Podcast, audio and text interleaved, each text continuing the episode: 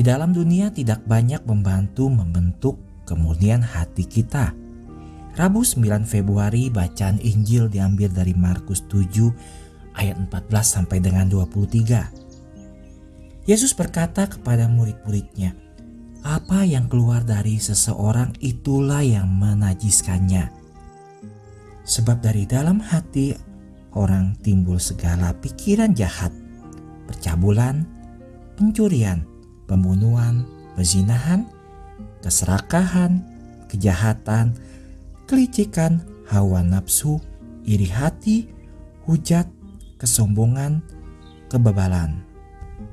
Semua hal-hal yang jahat itu timbul dari dalam dan menajiskan orang. Sahabat, karena dari dalam dari hati manusia timbul pikiran jahat, pencurian, pembunuhan, dan ketamakan. Tetapi di dalam diri manusia juga bisa menimbulkan tindakan kasih, ucapan syukur, dan pemujaan. Di dalam dunia tidak membantu banyak untuk memurnikan hati kita. Ada cerita sahabatku, saya dilahirkan dalam keluarga Kristen, tulis seorang gadis muda. Orang tua saya pergi ke misa setiap hari dan di sekolah mereka mengajari saya apa yang benar dan salah sehubungan dengan perintah ke-6 dan ke-9. Sebagai seorang anak, saya selalu ingin menjadi murni, tetapi sebagai seorang remaja, dunia saya berubah. Saya jatuh ke dalamnya cinta dengan anak laki-laki, teman-teman saya mendorong saya untuk tidak melewatkan kesempatan. Jika saya benar-benar mencintainya, kata mereka, saya harus mengundangnya untuk melangkah lebih jauh dan kehilangan kemurnian saya dengannya.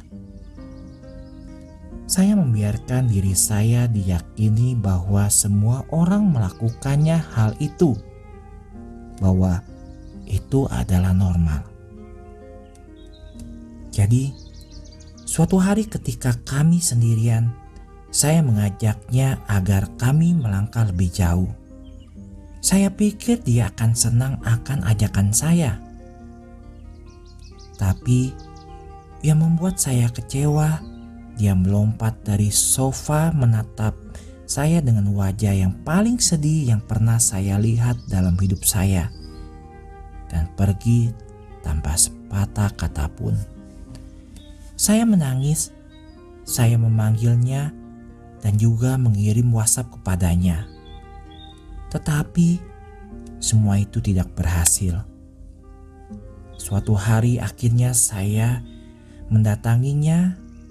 Dia membuka pintu tetapi dia masih sedih. Memegang tangan saya dengan air di matanya.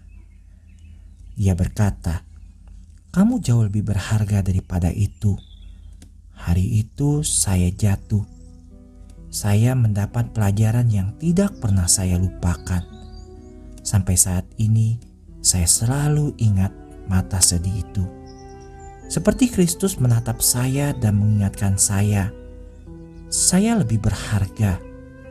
Lebih dari itu, sahabat, Dunia membutuhkan orang Kristen seperti anak laki-laki itu.